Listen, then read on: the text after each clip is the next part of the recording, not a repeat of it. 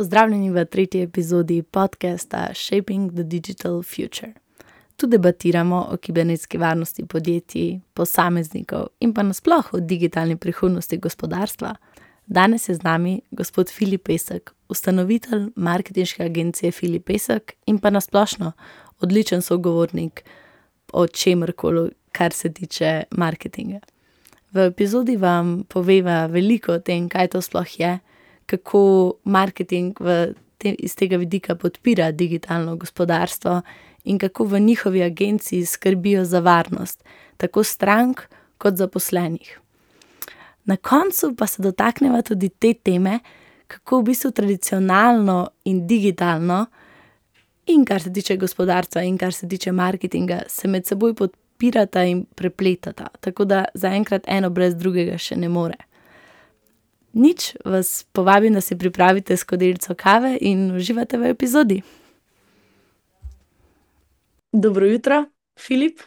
hvala, ker si se mi danes pridružil na ta siv četrtkov dan. ne vem, a imaš kakšen čaj ali pa kavo zraven sebe?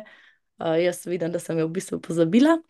Ampak je, glej, se bomo pa tako zbudili z enim prijetnim pogovorom. Hvala še iz moje strani, ke si se odločil sodelovati v tem projektu Shaping the Digital Future.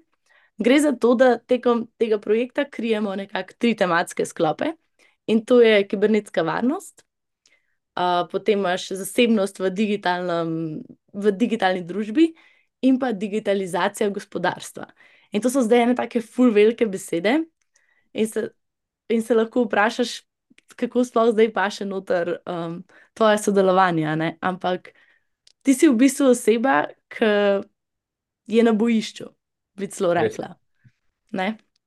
se pravi, do zdaj sta bila gosta dva etična hekerja, strokovnjaka za kibernetsko varnost, ti pa si zdaj predstavnik industrije in oseba tamle na bojišču, ke se vsak dan srečuje z in nevarnostjo in varnostjo, kakorkoli.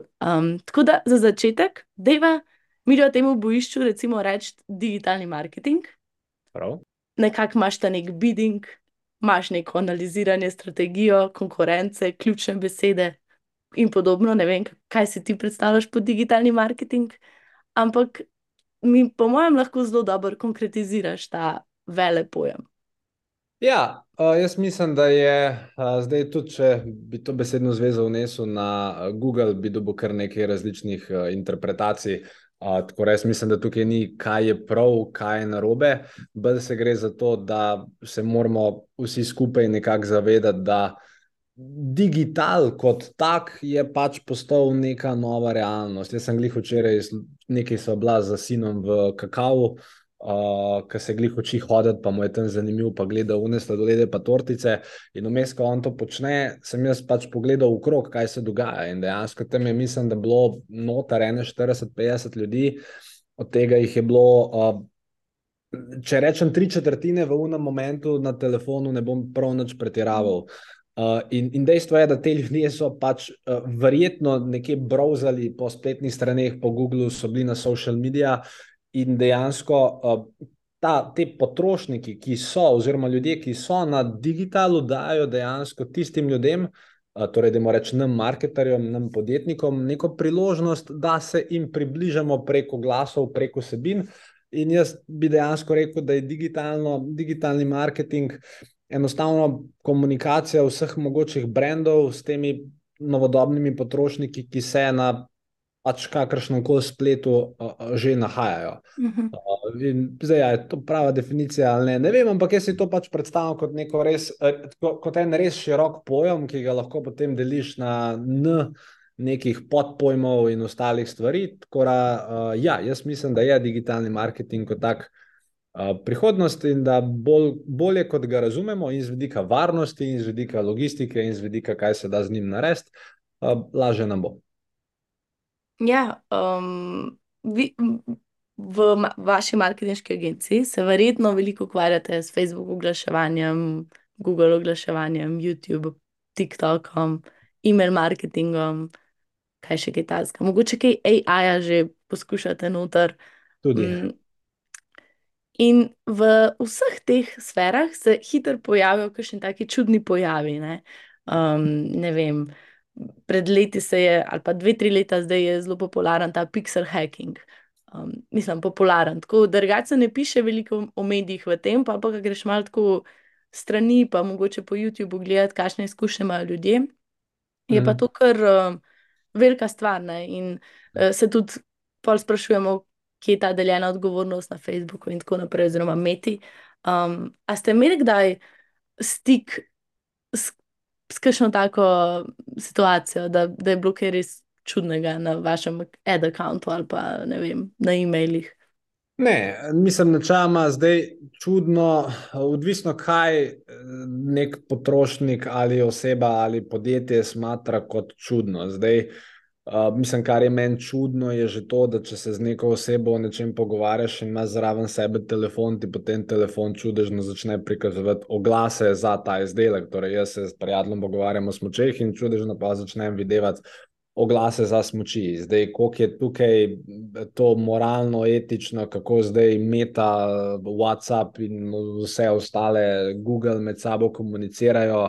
Pač ozadja dejansko ne poznam, ne vem, kako se dejansko te, uh, da moramo reči, uh, giganti vtikajo v naša zasebna življenja, ampak dejstvo je, da uh, je danes ta nek data biznis, oziroma da je danes najbolj vredna stvar, ena izmed najbolj vrednih stvari na svetu so podatki. In zakaj pač ima Facebook tako uh, pač, uh, borzno evalvacijo, kot ima?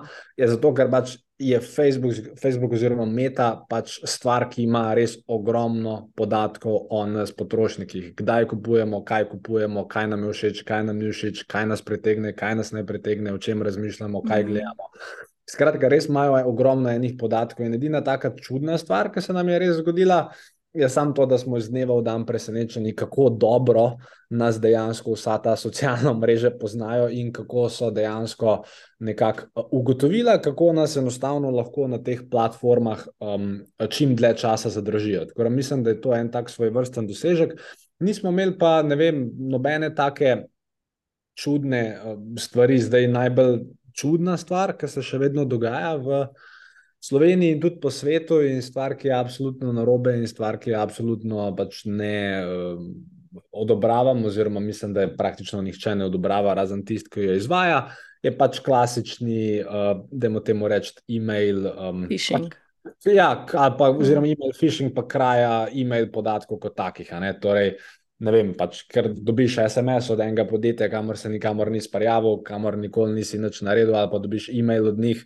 Zdaj ne govorimo o njih mailih, ki prihajajo na e-maile, ki so javno objavljeni. To načeloma vsa podjetja imajo pravico mm. tja poslati, ampak pač, kako je zdaj nek američan dobil nek moj privat mail.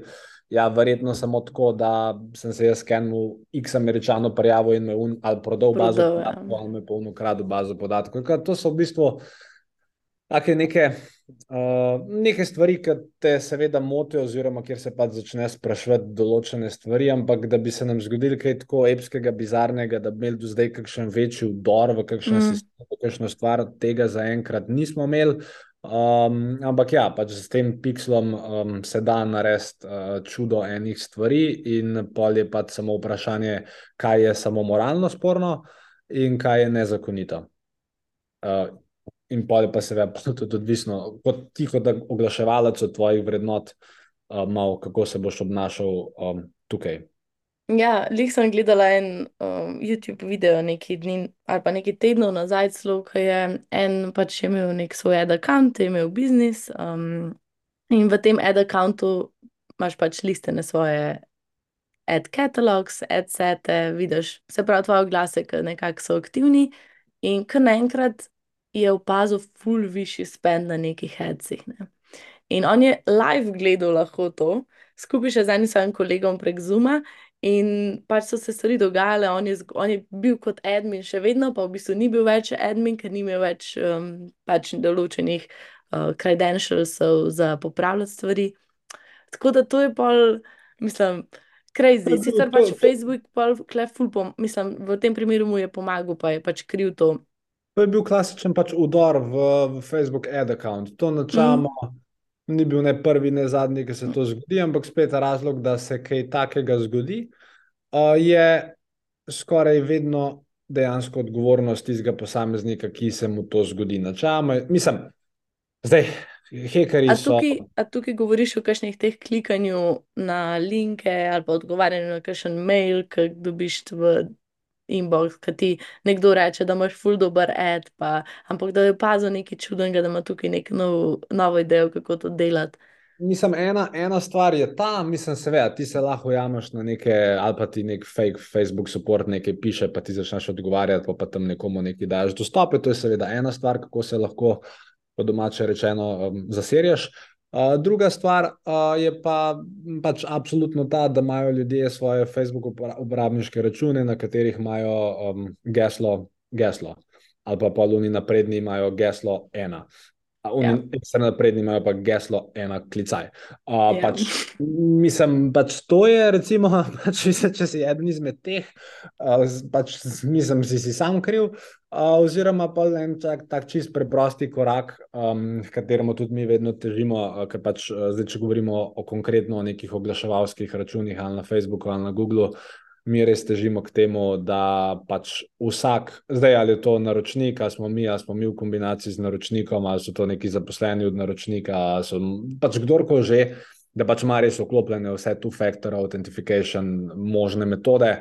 Plus, kar se pač da močna gesla, shranjena na nekem varnem mestu. Ne? In s tem mislim, da že, ne, ne bom rekel, vse stvari preprečiš, ker se pravi, če ste nekdo odloč, ki ima res znanje napadati, mislim, da te vedno lahko napade, ampak 99% napadov se pa pač že s temi nekimi osnovnimi um, Ja. stvarmi pač Isto je, v bistvu prejšnji gost je, uh, je lastnik agencije, ki se ukvarja z, um, v bistvu podjetjem pomagajo identificirati um, težave, kibernetske težave in pol po, popravljati. In je tako, kot si ti omenil, v bistvu rekel, da bi bili presenečeni, koliko ljudi v podjetjih ima geslo, um, ime podjetja 1, 2, 3 in ali pa admin 1, 2, 3. a ne. In pa v takih primerih. Pa če mi si sploh ne predstavljamo, kako veliko naredi že to, da imaš ti neko kompleksno geslo, recimo, da je, da je samo neki bolj random, ali pa so velike črke, pa mehne. Ker Mislim, pa če ne, saj- tako kot si rekel, ja. ja. ko te ne bo nekdo hoče skakati, te bo, sam dlje časa bo rabo in mogoče boš ti ugotovil v tem času. Ja, mislim, pa tle je tudi pač to s tem, da se um, razlog za to, da imajo ljudje um, enostavna gesla, uh, je v tem, ker pač ali ne vejo, ali so pa preleni za to, da bi vedeli, da obstajajo pač programi za shranjevanje Mm. mm. gesla. In da jaz dejansko, jaz kot Filip Pesek osebno, jaz iz svoje glave vem samo eno geslo, dve. Eno je geslo za odklepanje telefona, eno je pa geslo za uh, odklepanje pač mojega računalnika. Vsa ostala gesla so shranjena v programu, ki je pač zaklenjen pod nekim voltom, in ta program lahko ga pa z widgetom poveže z kjerkoli svojim. Um, Uh, pač v, v tem programu, ki ga uporablja za surfanje po internetu, torej Chrome, Mozilla, Mhm. mm. Safari, kar ko že uporabljaš, in v bistvu ti on lahko sam pač tam enkrat klikneš in ti on kakršno koli kompleksno geslo že, imaš, ti ga sam pač predizpolni, mm. oziroma pač te normalno opiše noter. In, jaz, in pač jaz dejansko imam vsa gesla, ali pa praktično vsa, vsa pomembna gesla imam. Taka, ki jih v bistvu sploh nisem jaz napisal, ampak mi jih je generiral nek AI in ki pač vsebujejo ne vem, kva, črke, podčrtaje, klicaje, mm. afne. In pač nimajo prav nobenega smisla, in si jih niti ne probam zapomniti, ker pač ni- niso smiselne, oziroma imam program za to, ki pač mi hrani um, vsa ta gesla. Tako to Ja, je. lahko ti povem, da to je zelo napredno in je ja. zelo dobro, in je ena A ocena varnosti, bi uh, verjetno prejšnji gost rekel. Uh, jaz sem si tudi to po, tem, uh, po tisti epizodi uredila, ker sem ugotovila, kako smo um, nespametni. Mm. Kako pa v bistvu znotraj agencije skrbite, se pravi, a, a imate kakšno izobraževanje o tem? A jim ti, kaj komuniciraš naprej, kako ne skrbijo za svoje gesla, ker to je taka zelo hm, bedna tema, mogoče. Ja, ja, se strinjam. Načeloma, načeloma je tako, da mi imamo v bistvu, nas je zdaj v ekipi, mislim, da 15 momentalno, in mi imamo zelo sistematiziran proces onboardinga novega zaposlenega ali pa novega zunanjega sodelavca, kar koli že. In ko ta oseba pride, imamo res zelo jasne korake, kaj, kere informacije moramo mi njemu predati v prvih 30 dneh. In en memo, ki ga v teh 30 dneh dobi, ali Google Docs, ali ne vem zdaj točno, kje je zdaj to napisan, je nek osnovni memo o varnosti, o tem, kako je pač to pomembno, o tem, kako od njega dejansko pričakujemo. Da uporablja, oziroma mu že mi kot firma kupimo program za shranjevanje gesel, mu pokažemo, kako naj z njim uporablja, mislim, kako ga ne uporablja, istočasno mu razložimo, da na vse akonte, kakršne koli že, ki bo vabljen, da pač more si nastaviti two-factor authentication. Uh, tako da dobi nek tak kratek memo, ne bom rekel, da dobi predavanje, ampak pač sam dobi zelo jasno direktivo, ej, model oziroma modelka, pač ne se zabavati s tem. Um, in pol, pač, če pol jaz naknadno ukrijem, da se nekdo teh smernic drži, pač to je načelno opozorilo, ki ga dobi samo enkrat, pa pa ponovadi registrira. Uh, tako, mislim, jaz, jaz osebno to zelo resno jemljem. Um, ja, pa mislim, da tudi ta kibernetska varnost Mislim, seveda, pametno je razmišljati o njej, pametno je delati na njej, mislim pa, da je dosti povezana z karakterjem osebe kot take. Recimo jaz in moja žena sva si uh, v enih pogledih recimo zelo različna. Jaz imam zase kot osebo sklenjenih vem, 4 do 7 različnih zavarovalnih polic in produktov, ona do lanskega leta je imela nič zavarovalnih polic sklenjenih in pač tudi način, kako jaz gledam na kibernetsko varnost, je rahlo drugačen, kot kako ona gleda. Oziroma, je pač že po defaultu bil tak svoboden človek, malo manj razmišlja o tem, kaj lahko gre na robe. In pač mislim, zdaj se ne vem, kako ima kibernetsko varnost poštivana, ampak bi dal roko v ogen, da sigurno par nivojev slabš od mene. Že, že, že to, kako ima zavarovanje urejeno, mislim, da pač da neko schemo, kako bo bolj tudi tam zgledal. Tako da jaz mislim, da je to no, tudi generalno. Povezan z karakterem človeka, ampak um, pač zdaj, ko mi dobimo novo osebo v našo ekipo, pač jaz, mislim, so ene stvari, ker res rečem, da je briga. Mislim, ne rečem tako, ampak ker lej, meni vse. Nima kašen, veze zdaj, kakšen karakter. Nima veze, kakšen karakter si, če si tle, se boš ga jaz shranil. Mm. Uh, in um, ja, tle smo. Ne, pa tudi dobro je, da imajo v bistvu podporo z strani pač podjetja v tem smislu, ne, da ste vi um, dosto zaveščeni. To pa res prav, bravo, hudo. Nisem, nisem ja. si predstavljala. Mislim, s tem, da nismo. Jaz sem pa tudi zelo razmišljal. Um, v bistvu, jaz mislim, da um, nisem zbran. To so zdaj, to govorijo o osnovah. Mm. Um, mislim, o, ne, o osnovah, ki jih večina ljudi nima pokritih, ampak še vedno govorijo o osnovah. Je pa tukaj pa še en level, naslednji, ki ga jaz še ne štekam, ker govorimo pa še o nekih dodatnih backup procesih, kjer govorimo še o nekih dodatnih security layerjih kjer govorimo dejansko o tem, da se pol res delajo na zaposlene demo-fishing napadi, pa se pol ugotovi, kdo klika, kdo ne klika, kdo razmišlja, kdo ne razmišlja. Uh, in, in ja, jaz, jaz vem, da imamo tudi mi tukaj neke rezerve, jaz nekako razmišljam skladno z našo. Mislim, jaz vem, kako bi ta security, mislim, da, da na to osnovo, ki jo mi imamo, je treba prepečati določene stvari, ampak gremo pa step by step, ne moramo zdaj vse kar ja, valjda. naenkrat narediti. Oziroma, glede na našo velikost, mislim, da smo zdaj ok zaščiteni, pa pa, ko bomo rastli, pa bomo mogli seveda dodajati še, še neke ostale elemente. Pa boste imeli pa ločene internet serverje, pa boste maile pošiljali na. Ne vem, mogoče. Ja, kaj vem, verjetno. ja. um, kje pa vidite, mislim, zdaj pa recimo um, zdaj jajem, ne? Uh mhm. -huh ste omenili prej tole gre, uh, generiranje gesel. A, mhm. še, a še na kakšen drugačen način AI uporabljate, mogoče zdaj s ChatGPT-jem v podjetju? Ali, ja, ali se, se probate kaj približati temu? No? Ja, uh, mislim, mi smo, oziroma mi imamo eno, uh, uh, oziroma imamo eno super sodelovko, vodijo Lejo, uh, ki je pač super oseba, pa tako malo je giki glede teh uh, uh, stvari. In ona je uh, Ona je dejansko vodja našega copywritinga, torej prodajnih besedil, in dejansko mislim, da zelo hitro, ker je čat prišel ven. Je ona začela ta čat uporabljati zato, da si je začela lajšati določene copywriting procese. Ne zato, da je pač dala čatu, da pač napiše vse od A do Ž, ampak zato, da je pač ne vem, da neke content ideje ali zato, da je naredi nek določen res, oziroma da je skrajša določen proces researcha za kakšno stvar, uh, zato da je mogoče spiše nek pram draft ena, ki ga potem ona naknadno marketinško gre urejati. In ona je bila v bistvu dejansko prva, ki je začela s tem četom nekaj početi. Zdaj, jaz sem pač, mislim, ko mi je ona to povedala, sem rekel, le, da ti uh, leja o svoji, oziroma malo res pogrunte vse in en avto te stvari, potem boš pa dejansko naredila prezentacijo celi firmi, v smislu, kaj se s tem da početi, tako na copywriting področju, kot mogoče izven copywriting področja. Zdaj, vmes, ko ona to pripravlja, dejansko to predavanje za celo firmo. Uh, smo dejansko začeli ta AI uporabljati tudi v drugih segmentih, dejansko uh, ljudje, ki. Uh, uh, uh, začeli smo uporabljati AI na enem področju, ki nam je res, res, res začel dobro funkcionirati. Ne bom zdaj povedal, kje. Okay. Ampak nekje smo ga, nekje smo ga res, uh, res začeli dobro uporabljati. Uh, ampak ni pa to še tako masovno. Torej, to sta dve področji. Eno je copywriting za enkrat, drugo je to drugo področje, mm. ki ga lahko povem potem off, off the record. Okay. Uh, In, uh, ja, in, in, in se zavedamo, da nam lahko ta umetna inteligenca, oziroma pač ta dotični čat, uh, pomaga. Uh, zdaj, možno pa je tudi, da mi uporabljamo to umetno inteligenco še kje druge, pa mogoče jaz ne vem, ker enostavno ne vem več, kaj čisto vsak posameznik dela. Uh, ampak kar se četa tiče, mislim, da sta to edini dve področji, kjer, kjer nekaj z njim delamo. A pa se bojiš, kam bo pelala ta umetna inteligenca, ali si nekako tako v pričakovanju, kaj vse bo novega pripeljal.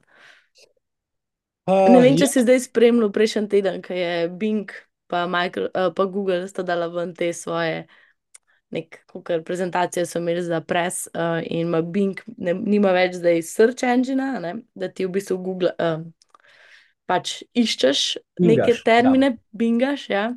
Uh, ampak imaš tako nek čet, ki je ime, ne vem, Sabin, ne, ne vem, ne, neko ime ima, no, Sofi.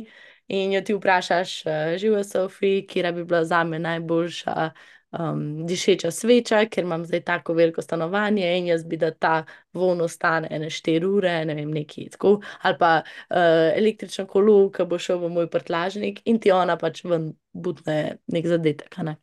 Okay. In zdaj to lahko ful spremeni način, način iskanja informacij, način iskanja mm. podatkov, oziroma že zdaj dosti spremenja. Če bom, recimo, mladi zdaj na TikToku, TikTok uporabljajo kot nek iskalnik, ne, ne grejo v Google, ja. tam grejo na TikTok iskati. In zdaj, a veš. To ful stvari potegne za sabo. Nočem noč reči, da bi rajš tako, da ja, ja, je stvar strani.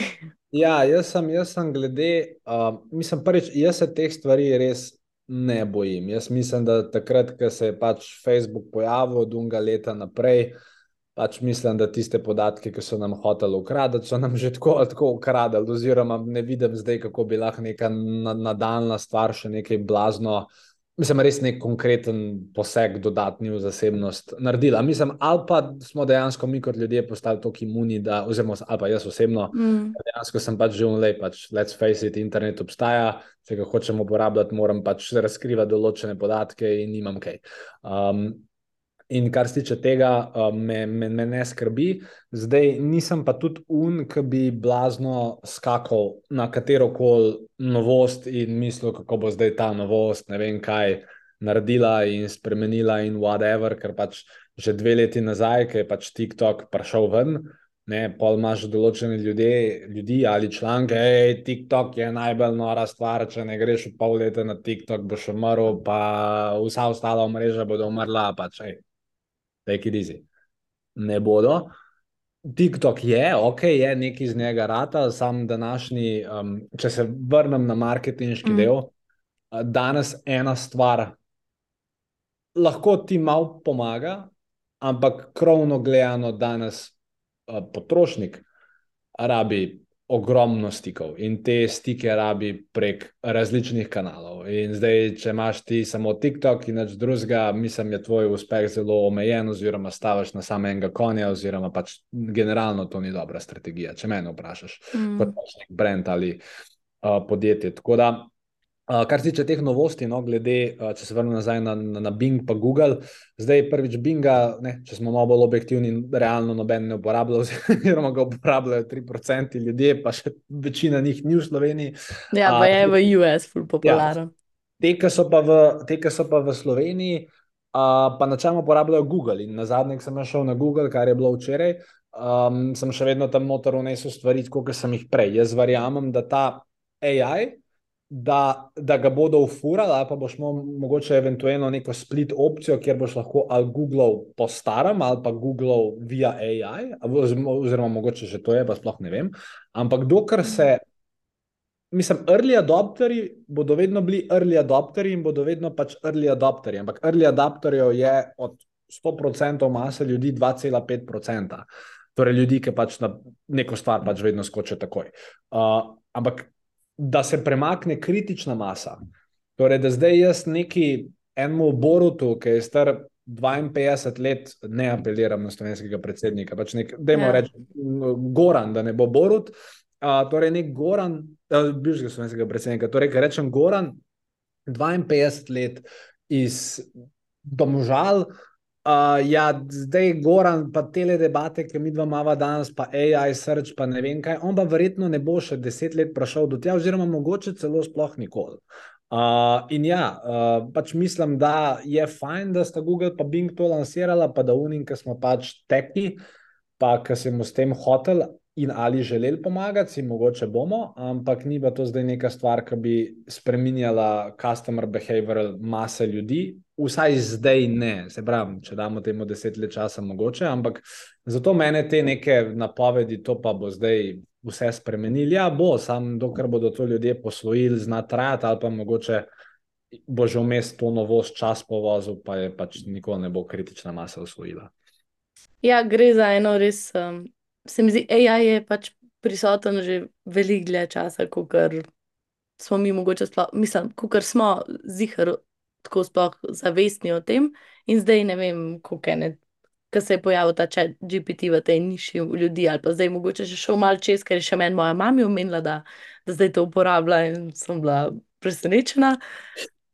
Ampak, wow, ne, se očitno res je popularizirala, ne, ker je res ti olajšati. Je nek dodatek, ki ti olajša razmišljanje, oziroma je en tak tvoj uh, second brain, um, si predstavljam, da tudi ta copywriter, ki to tako uporablja.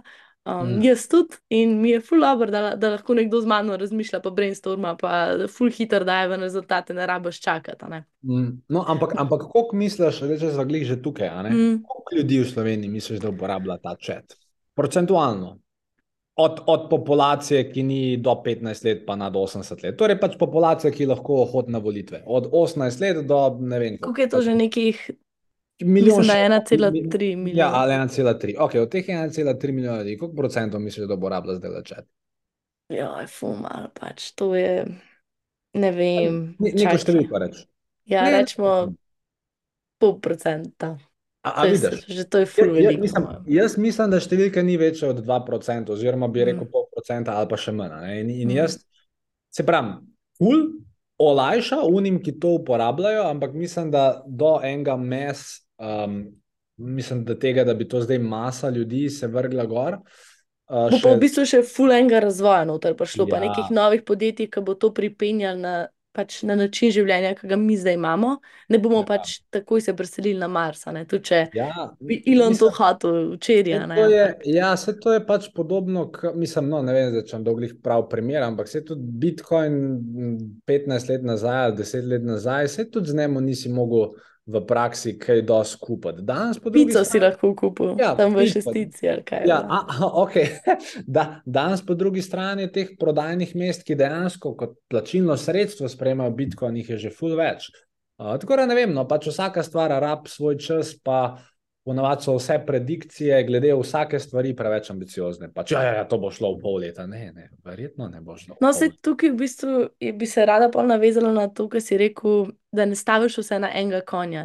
Ja. To je glih to, da ti pustiš nekako tudi kritično si pogled na neki novega. Tudi, mhm. ki investiraš, verjetno ne investiraš vsega samo v en konj ali pa imaš samo to stvar, ker pa želiš imeti razdeljen portfolio, da, da če ti, recimo, če neki shekajo ali pa če gre neki fulna robe, imaš še vedno ostalih 4-5 stvari v, tej naložbeni vreči, ki te držijo po koncu. In mm. enako nekako je tudi v marketingu, v digitalnem marketingu, predvsem. Ne. Ker se verjetno prepoznaš v strankah, ki pridejo do tebe, pa imajo v bistvu samo en vir ali Discoveryja ali. Mm pač um, iskanja strank. Ne, to, takrat, kako takrat reagiraš? A pač svetuješ, da, da, se to, da se to razširi, ali pač pogledaš, kaj se lahko naredi, kako, kako reagiraš? Ja, Ja, zjokam se. Hecam se.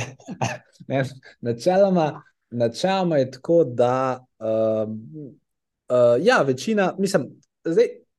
Da, da je biti mogoče malo bolj specifično, okay. tudi zato, da so da mogoče lahko uh, gledalci, ki zdaj so, ali pa niso, oziroma poslušalci, ki so ali pa niso podjetniki, znali to mogoče malo predstavljati. Ne? Torej, zdaj slovensko podjetništvo je nekako tako. Lahko pač delimo ta podjetja na pač manjša, mala, srednja, velika, zelo velika, kakorkoli hočeš to deliti.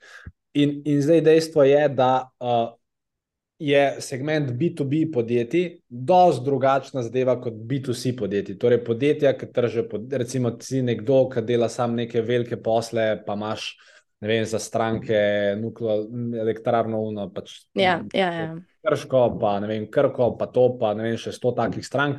To je čisto nek drug posel, tam ni Discoveryja, ki je dosta tam je neki od ust do ust. Pač mislim, čisto druga, mislim pa prodajniki, pa tržniki, pa nabavniki. Drugače, ja, totalno drugače. Mi dva govorimo- govoriva bolj B2C, recimo. Tako, tako, če pa govorimo, sej, sam, mislim, tukaj, tukaj je vedno treba vedeti, ker kar meni ful mod v digitalu mm. je to, da pa nekdo začne govoriti, ja, za vsa podjetja to velja. Aha, ja. Ne, pač beseda vsa, ne, pač vedno so izjeme, vedno so neke specifike, ampak krovno, če govorimo v tem B2C uh, segmentu, torej ljudje, ki nagovarjajo širšo množico, ne glede na to, ali imajo, uh, ali govorimo o manjših podjetjih, ne vem, od nič do 100 tisoč evrov na leto, ali o nekih pač malo že večjih, od 100 tisoč do milijona, ali govorimo od unih milijon do 10 ali od 10 do 30 milijonov. Jaz dejansko še nisem srečal podjetja, ki bi reklo, mi smo pa povsod, Mm. pa povsod smo res top. Zato, ker povsod pomeni 14 do 16 kanalov danes. Torej, če jih sam našteva, to mogoče je zanimivo to za koga, ki posluša. Mm. Torej, ok, Facebook je eden. Pa po to štejemo še Instagram. Ja, ne, kar, zdaj, bo čisto razdelila. Torej, v imamo. Facebook Organic, imamo Instagram Organic. Okej. Potem imamo plačljivi Facebook, imamo plačljivi Instagram. Potem imamo Organic Google oziroma SEO, potem imamo plačljivi Google. Potem imamo delo z e-mail bazo, potem imamo delo z SMS bazo, potem imamo uh, mogoče, uh, torej kako je spletna stran, kako je dejansko spletna stran kot taka postavljena. So neke cool teksti, kul cool dizajn, pol, poleg spletne strani v velikih biznisih imaš še pristajalne spletne strani, ki so čisto spet neka druga zgodba. Pol imaš delo z influencerji, delo z ambasadori, potem, ampak to je še vse digital, potem imaš YouTube oglaševanje, YouTube organic, pa pa gremo na traditional, ok, kje si na radiju, kje si na TV-ju, kje si na Jumbotu, kje si v revijah. Uh, vem, a imaš kakšne druge affiliate dele, ki s- s- sploh niso povezani s tem? Pač, mislim, tega je, uh, vem, direktna pošta, ki jo danes nihče več ne uporablja, mislim, praktično nihče. Uh, in, in zdaj pokrit vseh teh 16 kanalov na res vrhunskem nivoju. Je, uh, je res umetnost, jaz takega podjetja ne poznam, so pa določena podjetja v Sloveniji, ki pa lahko brez problema rečem, rečejo, da je 12 kanalov, od teh 16 imamo top sheet zarihtane, pri teh štirih se še pa malo lovimo. Ali pa imamo, ne vem, 8, ki so top sheet, pri 4 še nismo, 4 smo pa že tudi kar nekje na nivoju. ne. In če pač pride. Uh, če se vrnem nazaj na tvoje vprašanje, če pride pač neka potencijalna stranka, partner, kdorkoli že do nas, pa reče, hej, mi imamo pa samo en kanal, rečemo v redu, koliko ste pa veliki, pa pravijo pol milijona, ali pa milijon, ali pa sto tisoč, ali pa dva milijona, se vse en rečem, ja, kapo dol. Torej, vi ste z enim Mm. ubogim kanalom, ki pač prišli do te številke. Predstavljajte si, kaj bi bilo, če bi mi na ta en kanal preklopili dejansko celo marketinško strukturo, oziroma pa začeli postopoma razvijati teh 16, 18, 20, 20 kanalov. In, in pač mi, mislim, da to ni narobe, ampak to je tako kot un anonimni alkoholik oziroma alkoholik kot tak. Najprej je treba priznati, da si alkoholik, torej Madonna. Imam samo en kanal in posledično zato, ker imam samo en kanal, mogoče zaradi tega rastem 5%, 10%, 15%, 20% na leto ali pa sploh ne rastem. Ampak se pa zavedam, da glede na moj produkt imam potencial in željo ali pa storitev rastati hitreje. V redu, če imaš to željo, potem super si prišel do nas, veš, da si alkoholik oziroma da imaš problem. Zdaj pa dajmo počasi začeti ta problem reševati, ker ja, ni varno. No? Ni, uh, Za podjetje ni varno uh, biti odvisen od enega kanala. To je isto, kot da bi imel podjetje, pa bi dejansko 70% tvojih prihodkov prišlo od enega kupca. To je pač, pa ti pa, pa imaš 10 zaposlenih, pa 70% prihodkov ti prije od enega kupca. Pa pa unga kupca pa voz avtobus, ali pa se pač odloči za stabo na delu, ali pa ima težave v proizvodni, in ti 70% prihodka gre. Kako ga boš nadomestil? Pa plačo boš naslednji mesec ven, pa verjetno nimaš glih za 12 mesecev finančnih rezerv. Tako da v kateri koli stvari, mislim, ne v kateri koli, ampak v veliko stvarih je precej neumno uh, staviti na uh, eno stvar. So tukaj izjeme. Uh, v Sloveniji ni zaželeno, da imaš več žena. Sem prav vedel, da boš dal ta primer. A, a, a, ali, a, ali pač uh, v, v obratni smeri. Uh, in, in, in tudi jaz mislim, da kje drugje se najde, uh, bi, bi se najdlo neko tako pravilo, kjer je boljš pač, uh, pač iti all-in na eno stvar, kot pa pač neke. Razprašitve delati. Ne? Tudi, recimo, če hočeš biti profesionalen športnik, je žal, ne moreš biti ne, naenkrat. Uh, tudi Michael Phelps, angliš znaš poslušati podcast, on je pri 11, torej najuspešnejši olimpijc, plavalec. Pri 11 letih je treniral štiri športe ne Mm. vem, uh, lacrosse, ne vem, košarko, futbal, pa plavanje. Pač trener je rekel, le, če hočeš priti na olimpijske, pač moraš dropati ostale tri športe. Tako da, se pravi, ni, nikoli ni stvar čist črno-bela, ampak ja, v večini primerov res ni pametno staviti na eno stvar v življenju in tudi v digitalu ni pametno staviti uh, pač na, na eno stvar v tem primeru.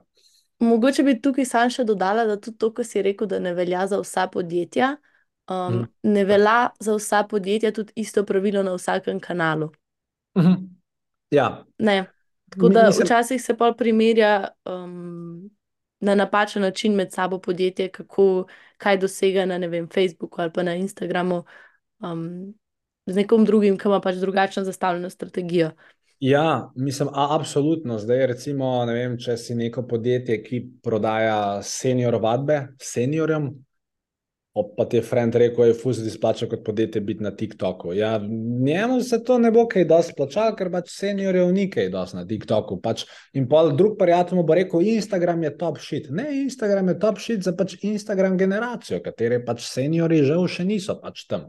In je tam dejansko ful več podarka, treba dati na Facebook, na direktno pošto, na neke pač druge kanale, na neke osebne posvete, mogoče brezplačne vadbe, karkoli.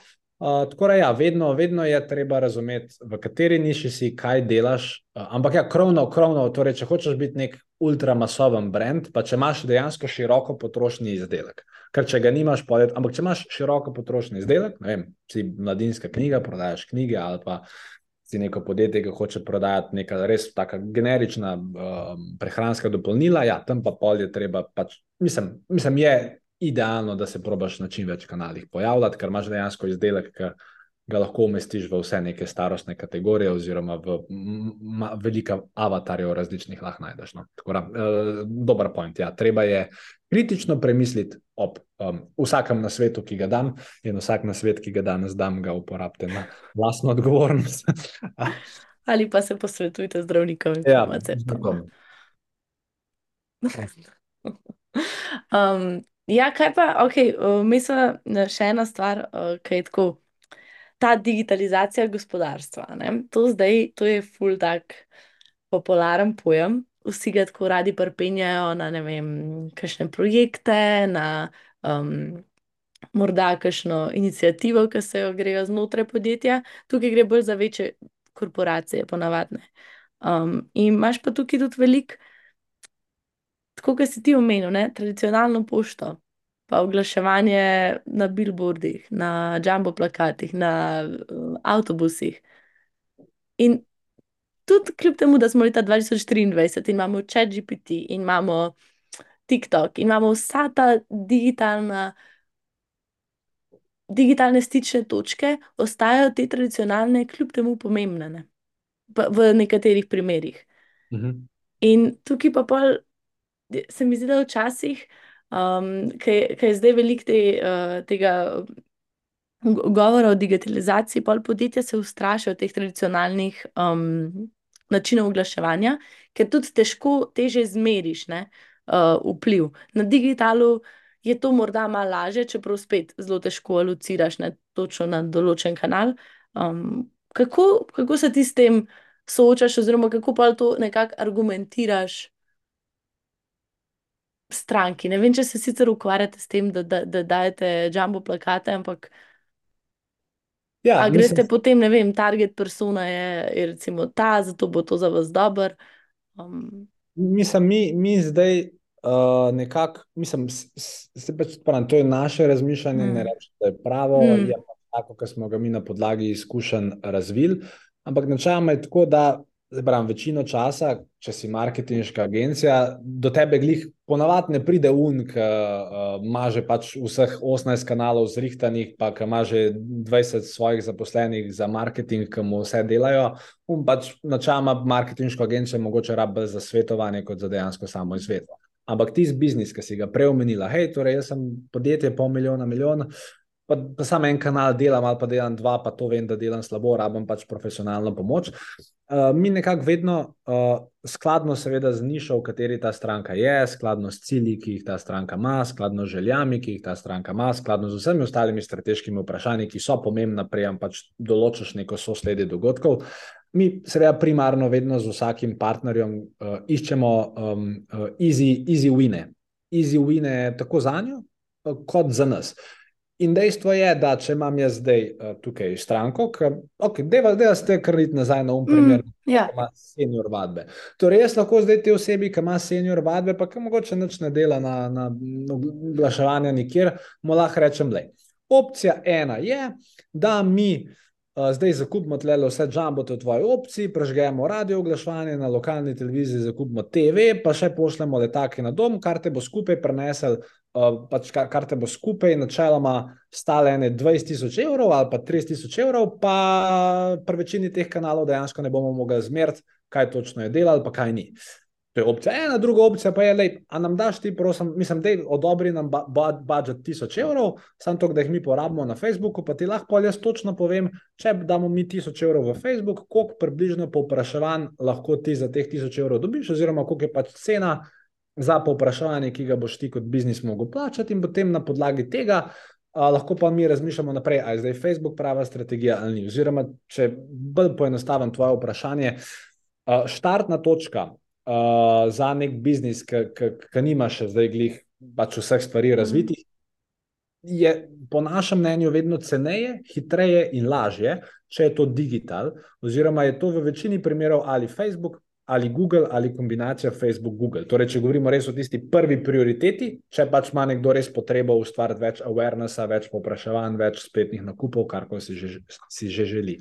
In potem neka naša logika je, da se mi tradicionalnih medijev lotimo takrat, ko so vsaj osnovne stvari na digitalu zrihtane. Ker zdaj lep primer, mi imamo biznis, ne vem, tega, tega senior vadbe, ki ima totalno za en drek spletno stran, ker pač čudežno, pač, mislim, nismo mu je mi delali, pač jo je sam naredil doma v kleti na VIX platformi uh, in je pač taka, ki je.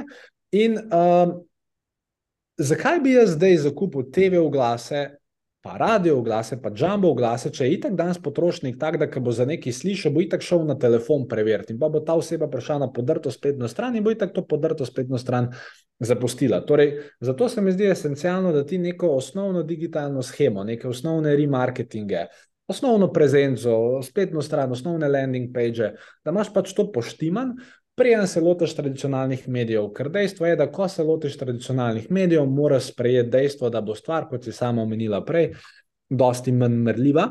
Pa uh, draga bo, ne? Ja, Ampak je pa tako. pa že ta, ne vem, zdaj ima Burek Olimpija, ima LPP avtobuse, ne? Pa začeli so na Facebooku čist mehni, tako nič niso imeli, ne? Pa pa z influencerji in prav vidiš ta razvoj. Um, koliko je nek, to je čist tradicionalen biznis, v smislu pač burek, Ja, ja. ne? Shop. Ni, ni bolj tradicionalne stvari, kot burek. Ne, v bistvu razmišljam, da res ni. No. ni mogoče najstarejša obrt, ampak je pa tako res tradicionalno. In takrat, ko so bili oni na Facebooku, pa so imeli une poste, veš, da ti je tako, zdaj se ti je malo smešen, tako boomersko je bilo, ne.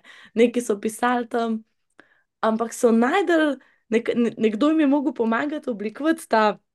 To svojo digitalno prezenco, se pravi, so povezali tukaj neko tradicijo s tem digitalom, in pa se vrneš nazaj na, na spet neko ne vem, tradicionalno oglaševanje. Tako da se mi zdi, da si ful dobr povzel ta, ta v bistvu krog, kako je vse povezano, ne moreš ločiti v tej dobi um, neke analognosti pa digitala, ker je pač. Ker ja, vidiš nekaj na, na avtobusu, pa pogublaš. Oziroma, to tudi starejši ljudje delajo, ne, ne samo mi. Ja, ja. Mislim, um, tle je, tle sam, sam še da nekaj dodam. Vse tle je ta neka ločnica je zelo jasna. Mm. Ko ima firma cash, takrat lahko gre v takrat lahko ponovadi brez slabe vesti gre v tradicionalne medije, ker ti pač rabaš drug mindset za tradicionalne medije. Na digitalu je tako, da tega Jurija imam, tega Jurija bom dal, hočemo vse zmeriti, pa bo z tega Jurija. Tam pri tradicionalnih medijih je pa pa se že večji biznis, je bi ga tle na 100 jurjev dobička, 200, 300, pol milijona imamo letos, ne vemo kam ga dali. Dajmo v tradicionalne medije, ne vemo, kva z tega bo. Neki, ne, neki ljudi nas bo videli, neki se uspomnili v roko, naslednjih treh let bo ta investicija že nekako prišla nazaj. Ja. Dejansko pa s tem mindsetom folk, folk vlaga v tradicionalne medije in s tem mindsetom ni nič narobe, sam tega mindseta mali podjetnik na začetku nima, nič ni narobe s tem, da ga nima, ker on mora takrat zelo preudarno ravnati z tem mini kapitalom, ki ga ima in takrat je seveda fajn, da se ja zanese na te tradicionalne stvari, kot se je ta burek, kot si prej omenila, pa pa, ki so verjetno zrastali, so pa pač rekli, ok, dajmo tako malo za foro, narediti ta vem, avtobus, ampak tudi ta avtobus so bili pa tako pametni, da so rekli, da idemo narediti avtobus. Sam so sigurno se pred tem avtobusom še slikali, dali to na social, posneli še en live video, jaz tam mislim, pa so spet delali nek bridge med. Um, yeah. Ja. Pa spet so rekli, mogoče ne vem, slikaš, ne vem, če so to rekli, samo če niso bila fulovra ideja, mogoče, da bi, da slikaš avtobus, pa priješ tja na burek, pa dobiš nek popust ali pa ja. dobiš, ne vem, jogurt, ajno. Um, in ja, je spet ta povezava, ne? Uh, take zgodbe meni to lepo videti, ker je tako naduhujoče, kako v parih letih pač zraste, pa vidiš, kako se razvija. Je prav um, lepo videti. Ena stvar, ki pa še nisem nič omenila, pa smo govorili o digitalnem marketingu, so pa influencerji. Ti si čist malce se dotaknil tega uh, kot en izmed kanalov. To mi je pa tudi, mislim, pa če navežemo nazaj na tole kibernetsko varnost, tam se je pa tudi zadnje čase dogajalo, da ljudje izgubljajo svoje račune. Ne? In takrat, ko ti gradiš svoj osebni brand na tem enem kanalu, vse daš v ta en kanal, hočeš ali nočeš, malo influencerjev ali pa nekih osebnosti, ki ima več kanalov, tako močno razvitih. Ne? Nekje so začeli, tam so se začeli zbirati. Uh, sicer pa, no, ok, ne bom nadaljeval naprej, ampak. Ti, če čez noč zgubiš ta svoj profil, Aha. ti si povzročil škodo in sebi, oziroma seb, tebi se je zgodila ta škoda, hkrati pa vsem mogoče brendom, katerim ti nekako gojiš ta awareness ali pa uh, širiš dobro besedo med svoje sledilce. A, se, a si imel kdaj kaj s, tega, uh, s tem stik, da je kakšen izmed influencerjev, s katerim ste delali, da je pa izgubil svoj profil? Uh, Ja, imel sem dejansko enega daljnega znanca, ki je dejansko pač bil do svoj profil ne vem, do 50 ur, pa ga potem dejansko zgubil. Um, zgubil ga je dejansko zato, ker si bil delno sam kriv. To je bilo recimo, mislim, ne 4-5 let nazaj, ko si lahko še v bistvu povezal svoj Instagram profil z tri unimi third-party apps, pa je imel dejansko en app, Mislim, imel, imel je veliko ril sledilcev, imel pa tudi veliko sledilcev, ki jih je pač dubil na foro, ker je pač nek app pofollował 300 ljudi na dan, pa jih pa naslednji dan unfollował, pa je pač na ta način pač mu rastel Instagram in potem je pač ta Instagram, uh, mislim pa on s to aktivnostjo nehal, ampak pol ga je, ne vem, Instagram, mislim, da šele en let kasneje mu je dal dejansko ban na account in tega pač ad accounta, prek katerega je potem on dejansko razvil svoj brand, svojo firmo, Ni mogel nazaj do njega prijeti in vse, kar mu je preostalo, da je naredil nov, um, nov ad account. Tudi um, pač, um, znani ali pa ne znani, ali pa zanimiv ali pa ne zanimiv radijski voditelj v Sloveniji, Robert Roškar, uh, je pač zgubil svoj uh, account. Um, pa mislim, da lastni napaki, mislim, da je imel geslo, geslo. Ne vem točno, ali, ali nekam kliknil. Pač mislim, neka butasta stvar je bila. Ni bilo pač kar tako, da pač ga ne, nekdo res prohekno, pač bil je nek če, če čista glitch ki mislim, da je bil sam za njega kriv. Ampak, ne, če se ti influencer, um, pole pa spet tako, ne, okay, če imaš samo en kanal, prvič, politik veš, da igraš rizično igro, ne, ker konec koncev v nekem najslabšem primeru bi se lahko tudi kanal ukinil. Ti gradiš biznis, ne, in zdaj ne vem. Instagram tam zgori cel database in Instagram ga ni več. Ne. Mislim, že pač v osnovi je riskantna poteza to, ampak ok. Pa pa kako se lahko zavaruješ, prvič varnostno, kibernetsko, kot si sama rekla, ampak druga stvar, da če si influencer, pa če je to zdaj tvoj life, da se poveš, da je res zgradi dobre odnose z ostalimi influencerji. Ker ko je Robert Oroškar v račun, vse, kar je rekel, je rekel, hej, sodelavci na Radio 1, pa ostali prijatelji, a lahko prosim objavite, da so mi hacknili račun, da lahko prosim zbustate moj nov račun. In mislim, da v, ej, ne, nimam več spomina, ampak mm. mislim, da je v 14 dneh presegel število sledilcev, ki jih je imel prej. Uh, tako da mislim, da vsaka stvar, ki se nekomu zgodi, um, se v načama da rešiti če je oseba dobro povezana, pa če zna v tistem trenutku odreagirati, uh, seveda maksimalno se zaščite, um, zato da se na to ne bo zgodilo. Ampak to sta neka dva dotična primera, ki se jih prav uživo spomnim. Uh, in ja, vse to dogaja, uh, je to škoda. Um, in zdaj, če se je ta oseba sama kriva zaradi pač neopoštevanja nekih osnovnih varnostnih pravil, pa se lahko sam nas jezi. Če pa je bil dejansko nek udor ali pa je nekdo pač jim ukradel telefon, pa ne vem pač kaj, pa pa, pa, pa pač ja, je treba prositi ljudi, ki te imajo radi za pomoč, pa upa, da se ti čim prej nabil, da ta Instagram nazaj, drugi ni. Kako pa ti skrbiš za to v svojem primeru?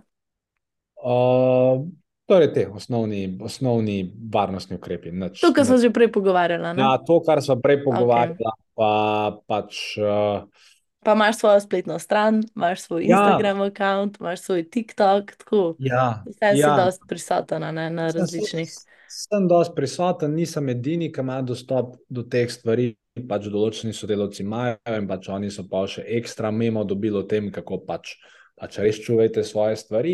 Ampak se pravim, zdaj vsega ne moreš preprečiti. Zdaj, kar je meni važno, je to, da ne vem, če bi se karkoli zgodilo meni, nam ali firmi da lahko jaz pač res rečem, da od vseh stvari, ki sem jih v tem momentu vedel, sem pač naredil, kar se da, neko varno okolje, in si gled, vsaj glede tega nimam kaj učitati. Ne? Ker jaz mislim, da je dosti lažje živeti s tem, kar pa, če se ti zgodi, pa dejansko neka pizdarija. Pa, pa, pa, pa na mestu, da bi pizdarijo reš, re, rešil, pol leta si zaciklam v svoji glavi pismo, sem mogel imeti svoje geslo. geslo. Ja, ja. Tako pa, ko imaš ti čisto vest, pa tudi lažje, mislim, verjetno rešuješ probleme. Ja. Um, bi, tako, tvoja agencija se imenuje Filip Pesek, ne? Ja, v bistvu, ja. v, bistvu, v bistvu smo brez imena, v bistvu agencija brez imena. Ampak uh, ja, marketinška agencija Filip Pesek ali pa Filipa Peska ali pa na Instagramu imamo nek FP Marketing Agency. Pač, povej mi, kam, sam, kam cilja s tem vprašanjem, pa ti bom dal odgovor. Ja, tako, čist, um, mislim, temelji na, tebi kot personi, ki si, si jo pač gradil dolg časa, ampak se mi zdi, čisto osebno, se mi zdi, da si prišel do te točke, da v bistvu verjetno strank ne dobivaš samo zato, ker vidijo, da je, da je to Filip Pesek, ampak je tukaj pa že nekako priporočilo, pa ljudje te že tako poznajo, da ne rabijo. A veš, to je tako, ker da bi šla. Saj, ne vem, kaj še to bo ta sprimer, ampak da bi rekla Magnifiku, da Magnifiku zgubi svoj social account. Pač nobenega efekta to ne bo imel konkretno za njega, ker bo hotel nekdo, da mu napiše filmsko glasbo, pač bo že najdel njegov kontakt. Ne? In bi rekla, da na tvoji točki, kljub temu, da v bistvu je ful nevarno, nevarno, da vse temelji na eni personi, pa je to vse okrog tebe zgrajen kot Filip Pesek. Hmm si tukaj na nek način se ful dobr prebil čez neko nivo, da več se v bistvu ne rabiš skrbeti, a je to ta tvoja persona ali ne. Imaš tu tako močno ekipo, ki očitno um, operativno vodi te posle. Ja, mislim, da um, obstaja, tukaj se pa vrnemo čisto nazaj na strateško razmišljanje. Vsak posel se da zgraditi na, na več načinov. Uh, večina podjetij se pač skrije zadaj za logo, dajo neke slike, mogoče svoje ekipe na spletno stran in pač pušajo brand name. Torej, delajo podjetje uh, brez, recimo, da mu temu reč front face. Obraza. Ja. Ja, potem imaš podjetja, ki so izrazito vezana na front face. To so predvsem podjetja v tej marketinški niši, personal development niši, uh, lahko temu rečeš guru niša, če hočeš, čeprav to ni glih najboljši naziv, ker pač tam je pač neka osrednja figura, okrog katere se vse vrti. Sem pa še mi, recimo. Uh, Pomož pa nekaj, pač še tretje podjetje, ki so pa mogoče nek hibrid med brand nameom in front faceom. Recimo um, uh, Tesla. Športne, aha, Tesla. Okay, Tesla je recimo predstavljala, tak, okay, kaj še Gymshark. Ja, recimo, recimo, tudi kaj tasga. In, uh, in no, skratka, pač ta podjetja imajo različne strategije in zdaj. Uh, prednost tega, da gradiš podjetje za nekim logotom, pa brez front facea, je v tem, da ga lahko dosti lažje mednarodno širiš, ker pač ne rabiš nobenih videov prevajati. Prednost tega je, da če. Da, ker personal brand ne obstaja, ne moreš pa dobiti enega javnega linča, vezana na ta personal brand, ki bi lahko celo avtoriteto agencije zamajala. Pa, sigurno še kakšna prednost, zdaj slabost tega pa je, da ker se skriva za logotom, se ljudje ful teže s tabo povežejo, teže ti zaupajo, ne vejo, kdo stoji zadnji, niso res šrk, kva se dogaja, bla, bla. Zdaj, na drugi strani, pot, ki smo jo šli, mi, ni bila primarno planirana. Pač, ta moj brand, uh, prav, malo ljudi me toliko časa že spremlja, da ve, kako je vse to skupaj šlo. Ampak jaz sem dejansko uh, pač bil zelo dober v prodaji. Uh, prodaja ena na ena, prodaja od vrat do vrat, pač res sem pogruntal stvari, uh, poštekal stvari. In pa sem rekel na neki točki, hm, mogoče bi bilo fajn, da ljudje malo uh, pač slišijo, kako pač meni to rata tako prodajati. In pa so me pač firme že same po sebi po priporočilih, da bi ti prišel k nam predavati, da bi ti prišel k nam predavati. Pa sem pa jaz tako, aha, kaj pa če mogoče mi z tega. Tega znanja, ki ga imam, mi naredili nek biznis. In pol je v bistvu čist ne načrt, mislim, načrtno se je začel postavljati Filip Pesek brand kot nek pač predavatelj, oseba, whatever. Um, In je to dejansko zelo dobro šlo, saj sem tudi pač dejansko imel zelo dobra znanja, ki so bila zelo koristna. Vmes sem nekako poštekal digital, in potem vmes je kar prišla še projekt Moja knjiga. In potem šele po moji knjigi sem jaz rekel, hm, Zdaj smo pa to knjigo, pa vse one neke demo projekte, ki sem jih takrat že marketinško vodil, da smo pa to tako dobro naredili, a ne bi bil mogoče čas, da naredimo agencijo. Ampak zdaj na uni točki, ki je bil Filip Pesek brand že tako prepoznan, ki je bilo že toliko enih prodanih knjig, toliko enih omemb v raznih PR zadevah, toliko enih intervjujev, toliko enih podcastov narejenih s tem Filipom Peskom. Je bilo precej uh, nesmiselno zdaj reči, ok, dajmo ta Filip Pesek brand pokopati.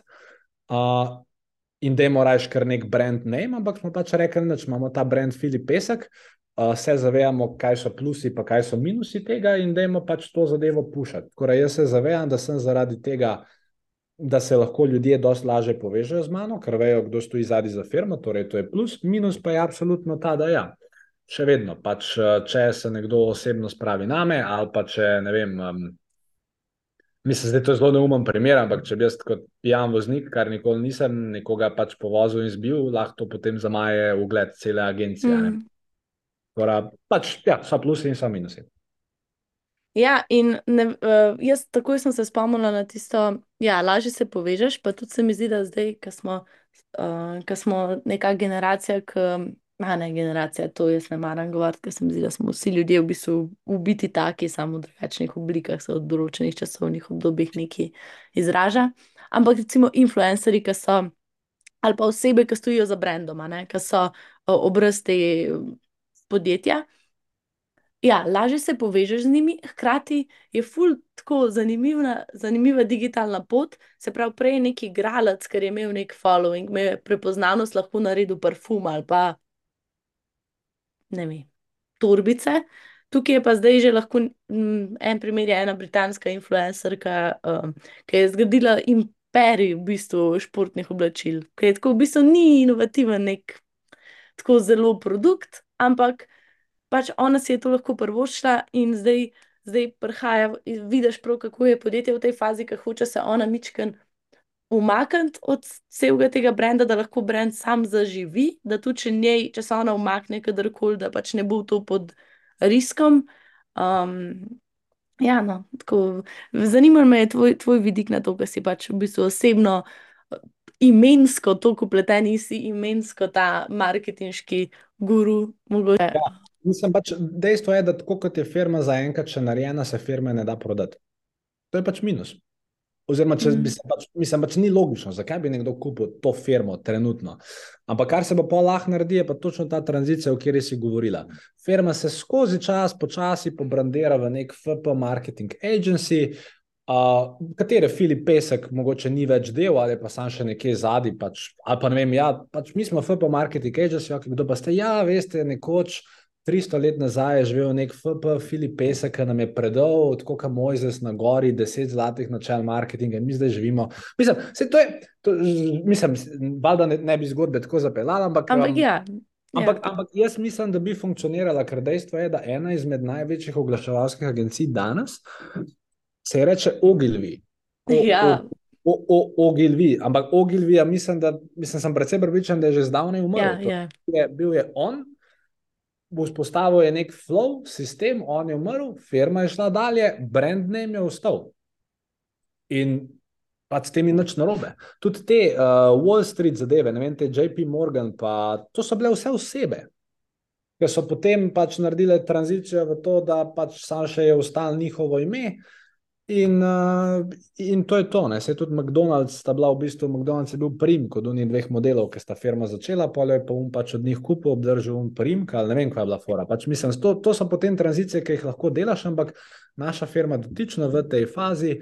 Uh, Je, je nesmiselno kupiti, ker te tranzicije še nismo šli delati, ker je tudi jaz zaenkrat še ne želim delati, ko pa pač imel željo to delati, uh, ali pa pač drugače pozicionirati stvari, pa bomo.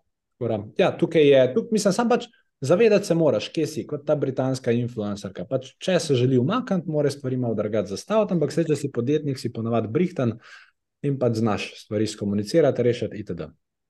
Ful se mi zdi dobro tole kot zaključek, zaradi tega, ker sem prišla spet do unga, da ja, digital. Nismo rekli ne digitalizaciji, rekli smo ja, cyber security, kibernetske varnosti um, in digitalizacija gospodarstva se dogaja. Hkrati je pa tukaj vedno, vedno neka opcija, kako boš to naredil zase v svojem primeru, in enako je pač s tem brandom, s tega eh, tvoje, tvoje agencije, oziroma kogarkoli drugega. So slabe stvari, so dobre stvari. In vedno moš sam pogledati na svojem dotičnem primeru, kako boš to zapeljal in si dati v neko široko sliko. Tako da, če za nekoga je edina možnost, da uh, kibernetske varnosti, da si naredi nek next level, uh, nov strežnik, pa ne vem, kakšen protection, ker pač ima nek tasga, mora to narediti, ne bo dovolj samo to factory authentication. In ja, no, tako smo lepo prša nek celosten krok, um, da je vse odvisno od tvojega dotičnega primera. Tako. Kar je pa tak zelo življenjski nauk. Ne? Ja, ja, in da um, pač, kot nas učijo že od osnovne šole naprej na drugih področjih, zaščita je, zaščita je pomembna. Uh, Zal, jaz bi se tebi in ekipi uh, uh, res pozahvalil no, za povabilo, da to delate, uh, da si vzamete čas, da poskušate ljudi ozaveščati uh, in vam res želim vse dobro uh, na vaši poti. Uh, in upam, da um, ti je bil intervju všeč, da je bil poslušalcem všeč, in se potem vidimo ob kakšni drugi priložnosti. Prav? Hvala tebi, Filip.